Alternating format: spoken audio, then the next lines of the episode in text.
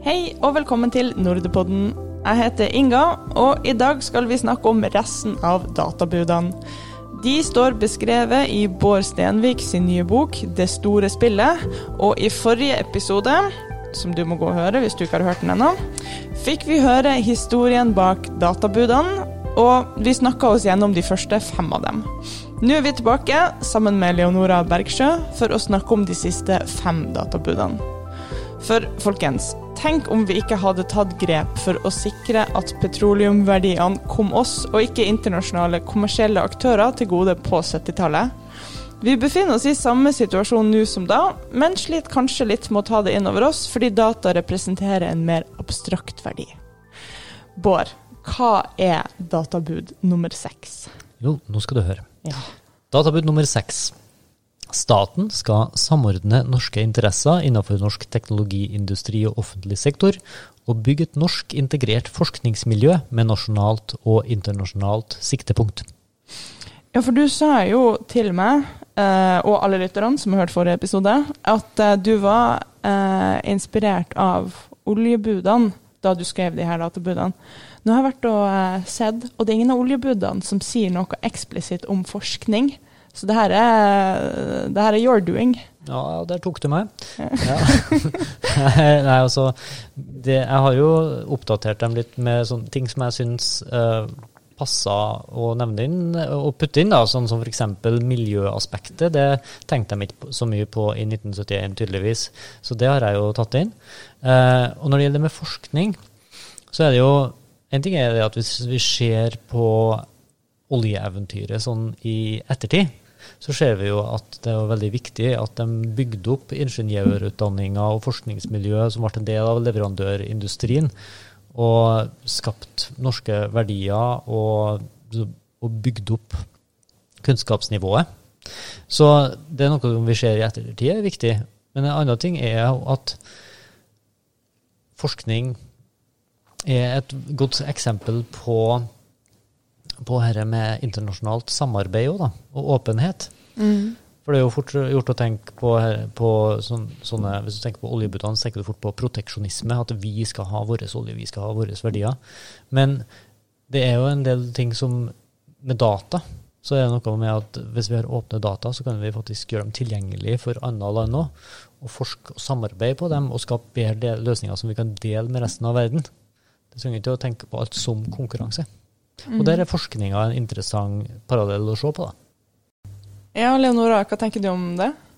Jeg syns dette er et kjempeviktig poeng, og også det som vi er inne på i forhold til verdideling. at Det er jo ikke sånn at Norge tok alle pengene fra oljen, men de bare skapte en delingsmodell. Sånn at det både lønte seg for kommersielle aktører og kom velferdsstaten til gode.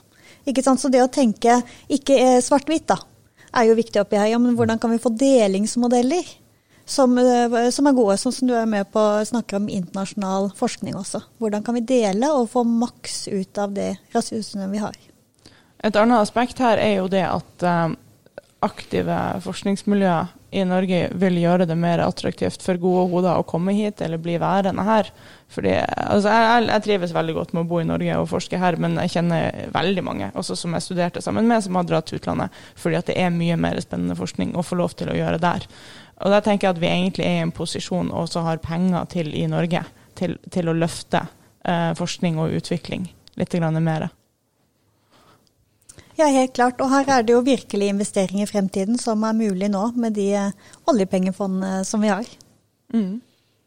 Leonora, vil du, uh, vil du, gi oss bud Hvor langt har vi kommet? Syv? Nå har vi kommet til syv. Ja.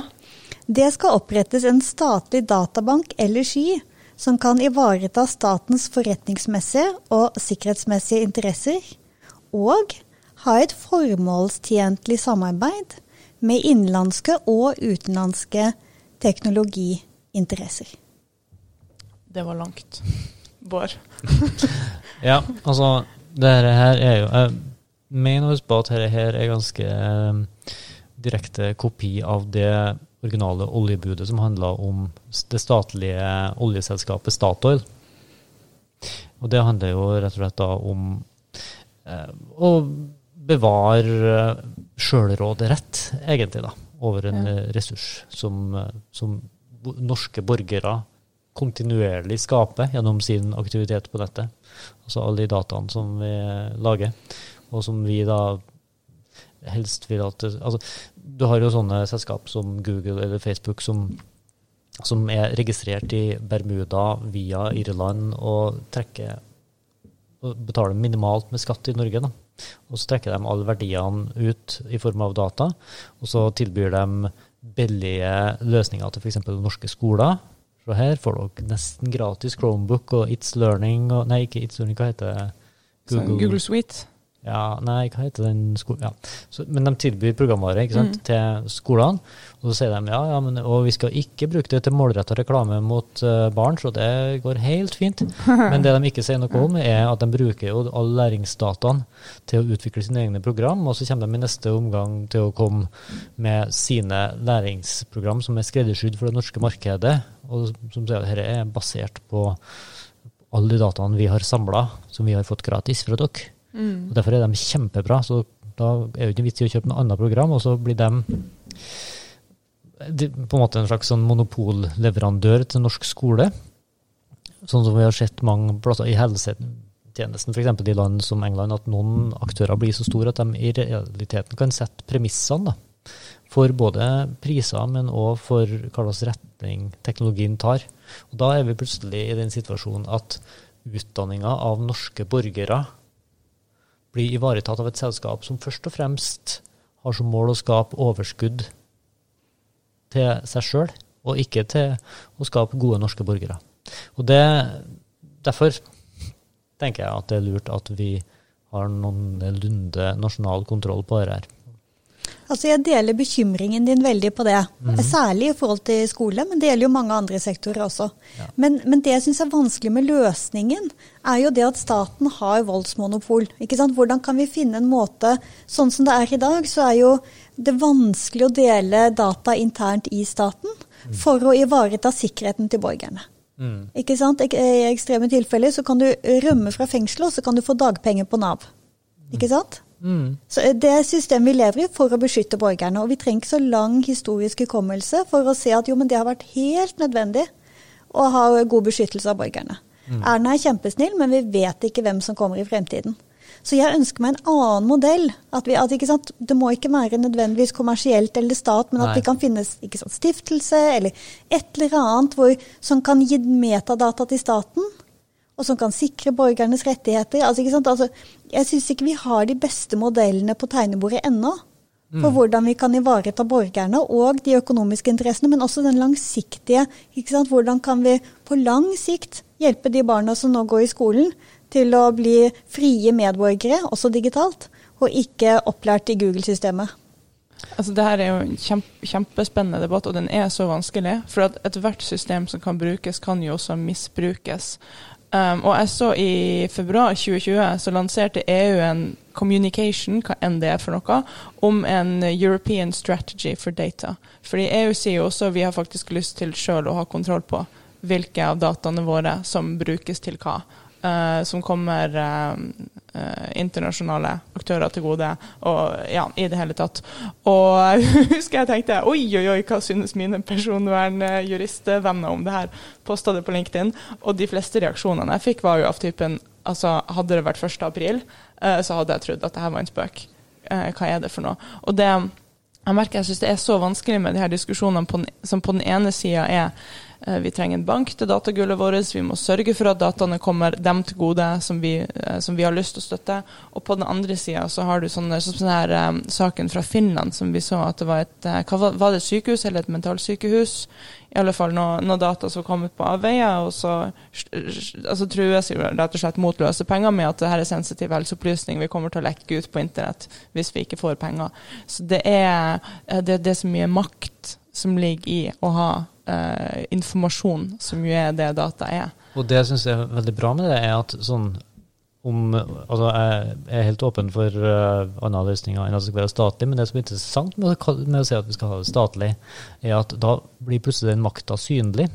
Og det er sånn ja. hvis at, ikke Ja, kjempegodt poeng. Altså, så hvis vi ser det som et, bare som et tankeeksperiment, ok, alt skal samles i en norsk uh, statlig datasky, som eventuelt uh, utenlandske dataselskap eller andre må betale eller søke om å få tilgang til. Men da kommer folk til å tenke veldig oh, men, oh, men for, skal, skal, mine genetiske data f.eks. ligge oppi der? Mens de tenker ikke på samme måten over det når de kjøper en sånn billig gentest fra 23andMe. Og så tenker de ikke over at det da, det, da blir deres uh, geninformasjon videresolgt til andre parter. Altså det, eller all den informasjonen om våre mest intime tanker som blir videreutlevert til Google gjennom at vi googler på hva slags sykdommer vi er redd for at vi har, eller hva ekskjæresten vår driver på med, eller hva som helst sånn. Så Derfor så tenker jeg jo at kanskje vi da finner ut at Oi, sånn, jeg føler meg så uvel med at staten skal ha liksom, tilgang på all den, den informasjonen her, ukryptert og åpen. Da burde jeg kanskje tenke på at ja, men kanskje det er noe som ikke skal være tilgjengelig. da. Kanskje det er noen informasjon som, som ba, f.eks. bare skal finnes i en anonymisert versjon. For det er jo veldig mye av det som er med sånn trafikkdata, f.eks. Det er ikke, det er ikke så interessant for Egentlig burde det ikke være så interessant for noen akkurat at jeg går på butikken klokka 12 på tirsdag og på biblioteket klokka 13 på torsdag. Men det er mer de store bevegelsene, altså de statistiske, som er interessant. Mm. Ja. Ja, så Det er jo det fine med det budet, da, at det setter maktperspektivet under lupen. Og det er jo mm. for lite belyst i debatten. Det er mye snakk om økonomi og innovasjon, men for lite om makt. Mm. Rå makt. Og Da tenker jeg jo at det er en interessant utfordring da, til politikerne og i den offentlige debatten. Går det an å finne en, en løsning som ivaretar både sånn personvern og kan og få nytten ut av dataen? For problemet nå er at den debatten går helt uh, Altså, den, blir ikke tatt, da, fordi at uh, dataene blir bare dratt ut i det stille. Mm. Uh, det her bringer oss vel egentlig over på bud åtte, vil jeg si. Uh, det budet sier at um, norske løsninger for datainnsamling um, etableres på en måte som sikrer tillit, Borgerne må ha en reell innflytelse på bruken. Personvernet skal respekteres gjennom kryptering og anonymisering der det er mulig, både for offentlige og private instanser. Jeg tenker Dette budet er veldig vanskelig å være uenig med. Det ja, men samtidig er det problematisk. da, Nå tar jeg på meg litt sånn djevelens advokat her. Men, men, ikke sant, ja, hvis jeg skal ha en reell påvirkning, så må jeg da også kunne si jeg vil ikke være registrert. Skal de ha rett til å si at jeg og barna mine ikke være, skal ikke være registrert i det offentlige? Ikke sant? Altså langt, hva, hva, er den reelle innflytelsen her? Hvordan kan vi eh, ha en sikker tillit, og samtidig eh, sikre det samfunnsnyttige ved at folk er registrert? Vi ser jo det som en avveining i Norge i dag, altså gjennom eh, at du må jo ha et eh, personnummer, og du må ha et organisasjonsnummer hvis du skal være registrert og i offentlige register. Så, så det er jo sånn hvis du skal få ta del av de offentlige godene, så må du gi fra deg litt informasjon. Eh, så, så, det er jo ikke noe, en helt ny debatt eller avveining, men det er jo mye av dette er vi jo så vant til at vi ikke tenker over det. Ja, og så blir det eh, på et nytt uh, nivå når det er så mm. mye informasjon som potensielt kan lagres. Tenker dere, altså Litt sånn innskuddsspørsmål fra sida her, vi trenger ikke å gå helt ut på den tangenten. Men tenker dere at man kan se på data som en slags eh, skatt? Altså Det er jo morsomt å tenke på det som en verneplikt, f.eks. Jeg deler mm. selvfølgelig for landet mitt på samme måte som jeg stiller opp, eh, stiller opp i militæret. Og så er det noen som vil si at ja, men verneplikten forsvant den gangen man sluttet med dødsstraff for å, for å, å dissertere eller nekte. Ikke sant? At er, man kan velge det som et overskuddsfenomen, men man kan også la være. Mm, ja. Og sånn kan, ikke sant? I den parallellen så tenker jeg ja, man kan, man kan oppfordre til å stille opp for landet sitt og si ja, selvfølgelig deler jeg. Mm. Dette gjør vi. Du bruker dugnadsordet, som er mer positivt ladet mm. enn en deleplikt. da. Men som en modell etter verneplikten så kunne man tenkt at jo, men dette, dette gjør vi selvfølgelig. Så klart deler helsedataene mine for å uh kurere andre sykdommer enn noe, noe sånt noe. Mm. Ja. Det, altså, og det, det, som er Når du tenker når du bruker begrep som skatt, så tenker du med en gang veldig individuelt. da, Det som er betaler skatt. Men um, hvis du sammenligner det med, med en allmenning, da, så tenker du mer på at det er noe som altså, det blir jo ganske likt, da, for det med skatten er jo sånn at mine skattekroner har betydd så mye i og for seg sjøl, men det er som aggregert, så betyr det noe. Mhm. Um, Så er det det spesielle igjen at data er denne kilden som aldri går tom. ikke sant? Som er forskjellen fra olje også. ikke sant? Jeg kan, jeg kan betale, Det er ikke som skattepenger, hvor jeg faktisk kan ikke ha penger og slippe å betale så mye skatt. eller ikke sant? Altså, det er ikke sånn. Kan, alle kan dele dataene sine. Det er ikke gradert på samme måte som alt som har denne helt fysiske, konkrete, materielle uttrykket. mm. Og så er det jo noe som at Jeg har jo snakka om det som digitalt arbeid, ikke sant, det vi gjør, men på en måte så er det jo og nesten som noe vi bare utsondrer ved å leve moderne liv. Altså Som fysiker så må jeg jo få lov til å si at vi genererer ikke mer informasjon nå enn vi gjorde for 100 år siden. Vi genererer nøyaktig like mye informasjon. Det er snakk om at den fanges opp, lagres og brukes på en annen måte. Så det, det er bare Jeg får litt sånn krampetrekninger Ja, når, eh, når man sier at vi genererer mer informasjon enn noen gang før. Så nei, det gjør vi ikke.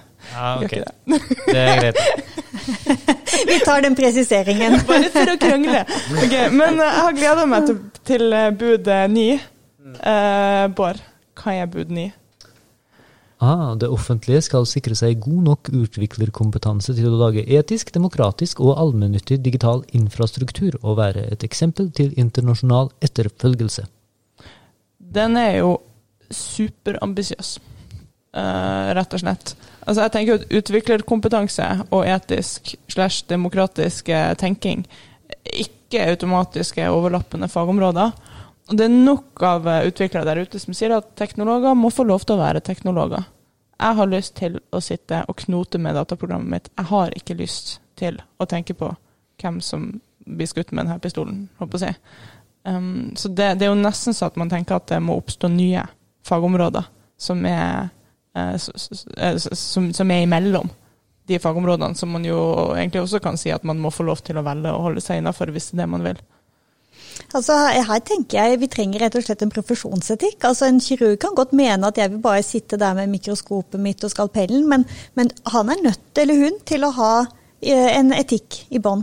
Så du tenker teknologer får ikke lov å bare være teknologer? Altså, de- Den kirurgen sitter der eh, med sin lille skalpell, men å ha med den ballasten, å ha den bevisstheten, det tenker jeg, det, det, det burde de presses til. Og så kan det godt hende at akkurat i den lille oppgaven så anvender de det ikke. Men det å tenke at jeg kommer aldri til å ha bruk for det, derfor trenger jeg det ikke, det er for korttenkt. Altså Teknologien har så mye innflytelse på så mange måter at, eh, at å ikke ha, tenke at det kan være aktuelt, det syns jeg ikke de skal ha lov til. Altså, Sier du at atombombe ikke er verdinøytralt? Er det det du sier? Så radikal er jeg. Våre tanker? Nei, altså Det er jo et veldig godt poeng at uh, andre yrker som har veldig stor innflytelse over uh, andre folks liv, sånn som f.eks. Altså, politiet eller, uh, eller leger, da, eller lærere Lærere, sykepleiere, dem- mange. Der har du etikk inn som en naturlig del. Og i dag så har jo teknologer innflytelse over alle de sektorene og alle andre. For at det er så grunnleggende i det moderne samfunnet. Da tenker jeg at det hadde vært absolutt naturlig å ha en slags uh, teknolog-ed, ed, eller noe sånt. Teknolog Eden. Ok, men la meg få snu litt på det, da. Eh, vi så i, um, i IBO-saken da, da, da, Der tror jeg at jeg, det, det gikk opp en skikkelig sånn lyspære for meg da noen i Datatilsynet sa det at du kan generere en personopplysning. Altså hvis du bruker opplysning om en eh, elev til å predikere en karakter, da har du generert en personopplysning for karakteren i en, er personsensitivt. Og jeg tenkte å gud bedre, ok, så jeg kan komme personopplysninger ut av en algoritme. Betyr det her at hvis du skal være en god personvernjurist om eh, to, tre, ti år, så må du rett og slett kunne litt maskinlæring? Altså det, Går det andre veien også? At de, de yrkene som samspiller med teknologi, må bare lære seg å programmere? Jeg tror at eh, Altså, jeg har generelt sånn veldig tro på mer sånn holistisk modell. Altså, her er noe som dem som driver med sånn eh, øko... eh, hva heter det? Sånn økologisk økonomi og så mye sånn nye eh, økonomier, tankeretninger, snakker om det at eh, mye av problemene i samfunnet er at det er så mye silotenking, og folk blir spesialisert på bare sitt felt. Mens vi burde ha mye større grad innfelt i hele utdanninga. Sånn som vi faktisk har det på grunnskolen. Og? Barneskolen og grunnskolen det lærer elevene både om at eh, det er dårlig med plast i havet, og så lærer de om at det er fint med teknologi. og altså det, Hva som skal til for innovasjon, og, eh, og hvordan samfunnet henger sammen. Og Hvis du kunne ta vare på litt av den helhetstenkinga altså nå, nå vet jeg jo at det er noen folk som absolutt kanskje personlighetsmessig egner seg best for å være veldig fokusert på én ting. Kan jo at vi trenger litt av begge typene folk, og at vi trenger noen som jobber som Vi trenger å få noen etikere og filosofer inn, men at flere folk burde få en mer bred skolering og mer sånn sammensatt forståelse av samfunnet, det tror jeg er en ting vi kunne etterstrebe. For det er jo ikke noe sånn at det er enten-eller her. Det er noe med hvilken vei skal vi sånn puffe uh, utdanningsvesenet i? Altså dette er jo, Hvis vi hever blikket litt, dette, det du beskriver er jo den humanistiske tradisjonen. ikke sant? Hvor man skal bli helt menneske gjennom å være, kunne litt om mange forskjellige ting. Og så er det denne tradisjonen som menneskerettighetene kommer ut av, og demokratiet. Og så kan man si, kan vi ha menneskerettigheter og demokrati i en tradisjon med utdanning som er bare spesialisert? Ikke sant? Eller må vi ta vare på noe av den helhetstenkningen inn i utdanningen? Men det er en ny episode, Inga. Det er en ny episode, og vet du hva, den, eh, den ballen tar jeg. Der tok jeg den. Uh, Leonora, har du lyst til å ta det siste av de ti uh, databudene? Ja, det er jo ti bud uh, fordi det er ti oljebud, men det er jo også ti bud som er levereglene i den kristne og jødiske tradisjonen, så jeg tenkte å ta frem eh, bibelstemmen min. Ja. Jeg leser det siste budet her. Ja. Offentlige løsninger skal koordineres gjennom et departement som har friske midler og mandat til å lage tverrsektorielle løsninger og samordning, for å unngå unødig dobbeltarbeid og sløsing. Det er en verdig avslutning. Ja, det er det. Det var nesten så jeg ikke fikk det med meg. Jeg hang meg sånn opp i det. Jeg visste ikke at du kunne snakke sånn. Fantastisk. Uh, ja, nei, men Der er vi enige, er vi ikke det? altså Unngå sløsing er jo er eh, ingen tvil om at vi vil la være med. Altså, det, ja, litt, litt, av det er jo Jeg har jo tenkt på det, det er litt fordi at jeg, nå er det sånn at hver eneste kommune i Norge har sittet og utvikla hver sin skolemeldingsapp, f.eks. Og hver sin barnehagemeldingsapp når det faktisk kunne ha blitt koordinert, sånn at noen at kunne laga ei veldig god løsning en plass, og så gjenbruke den. Det er jo én ting. En annen ting er jo det som vi har med at uh, den tradisjonelle modellen å bygge opp det offentlige er veldig sånn silobasert, da, hvor du har en person som sitter på toppen av hver departement, og skal de lage hver sin IT-løsning. Mm. Men da mister du veldig mye av det potensialet som er med å koble disse tingene sammen. da. Ja, så gjør det det sårbart, fordi det er forskjellig hvor mye kompetanse folk har. Det ser du jo mm. særlig på kommunale løsninger. Ja. Og jeg tenker det er begrensa hvor mange gode data scientists vi klarer å hanke inn rundt omkring i Norge. Ja. Altså, vi, vi, utdanner bare ikke så mange utviklere håper jeg, i året at, at vi, vi, kan si at hver sektor skal ha sin egen supergode utvikler. Det kan hende at vi må dele litt på dem. Og så er jo eh, IT-folk det er jo dyrt. Mm. Ja, ja, og, og, det er jo sånn og, Men IT-folk er jo heller ikke bare opptatt av penger, er de det? Altså, de kan jo være opptatt av å være med på noe utrolig spennende. Så jeg tenker jo at hvis at du hadde laga et slags norsk NASA, ikke sant, eller noe med den samme ja. auraen, hvor du har noe som skal lage en utrolig sånn flott og nyskapende eh, løsning for hele Norge, som så kan bli et fyrtårn for resten av verden, så er det jo sikkert noen som har lyst til å være med på det sjøl, om de kunne ha fått mer penger for å jobbe hos Statoil eller Google eller noe sånt. Ja, at, at det rett og slett blir litt prestisjefylt, da. Mm. Det, ja, og jeg, jeg, tenker faktisk at Nav, eh, teknologiavdelinga i Nav, de holder på å få til akkurat det. Så jeg hører at det er flere som, som, som sier at jeg har lyst til å jobbe liksom i Jeg har lyst til å jobbe med AI i Nav, fordi at de er så langt fremme. og De har bygd opp kompetanse liksom fra innsida, så de sitter og tar alle de vanskelige, spennende beslutningene sjøl. Så jeg tenker at det er en, sånn, det er en skikkelig sånn solskinnshistorie til etterfølgelse. Um, så jeg tenker helt usannsynlig er det ikke. Men, men, litt må det jo satses. Altså, det er jo det er noe man, kan ikke, man kan ikke tilby å si luselønninger heller, hvis, uh, hvis, industrien tilbyr det dobbelte. Um, men det, det, altså, jeg vet lederlønninger i staten er jo en kjempevanskelig diskusjon. Også, hvorfor skal ledere orke å jobbe i staten hvis de kan få fire ganger så mye uh, om de flytter til utlandet? Og Den samme diskusjonen vil jo dukke opp for teknologer også, om, om den ikke allerede finnes. Dette går inn i en mye større diskusjon om hvordan samfunnet skal organiseres økonomisk òg. Om, om altså, ja. bruttonasjonalprodukt f.eks. det som er den beste målestokken for om et land er vellykka og sånn. Mm. Her er vi over i neste episode, faktisk. Ja, det. Altså, dette, dette, er et kjempestort tema som jeg vet både Bård og jeg mener veldig mye om.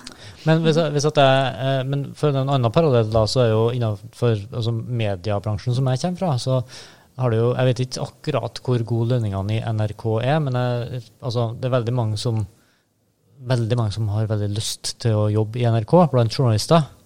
Og jeg tror ikke det er pga. lønna. For de, altså, hvis de hadde gjort det, så hadde de gått over til PR-bransjen, sånn som mange selvfølgelig har gjort. Men det er fortsatt sånn at det er veldig stas å jobbe i NRK, og det er fordi at det er en institusjon som har stått for veldig mye nyvinninger, da. Og uh, laga veldig mye bra ting opp gjennom årene. Og det er faktisk mulig i Norge innenfor teknologi å gjøre akkurat det. Uh, jeg tenker vi, vi, kan avslutte egentlig på den tanken. Det er jo uh, Ja, det, det, håper jeg rett og slett at vi får til. Um, så til slutt så har jeg bare lyst til å takke Den norske dataforeningen for at de uh, støtter denne podkasten. Og tusen takk, Bård og Leonora, for diskusjonen gjennom de ti databudene. Og takk til deg, Inga. Takk skal du ha. Hei da.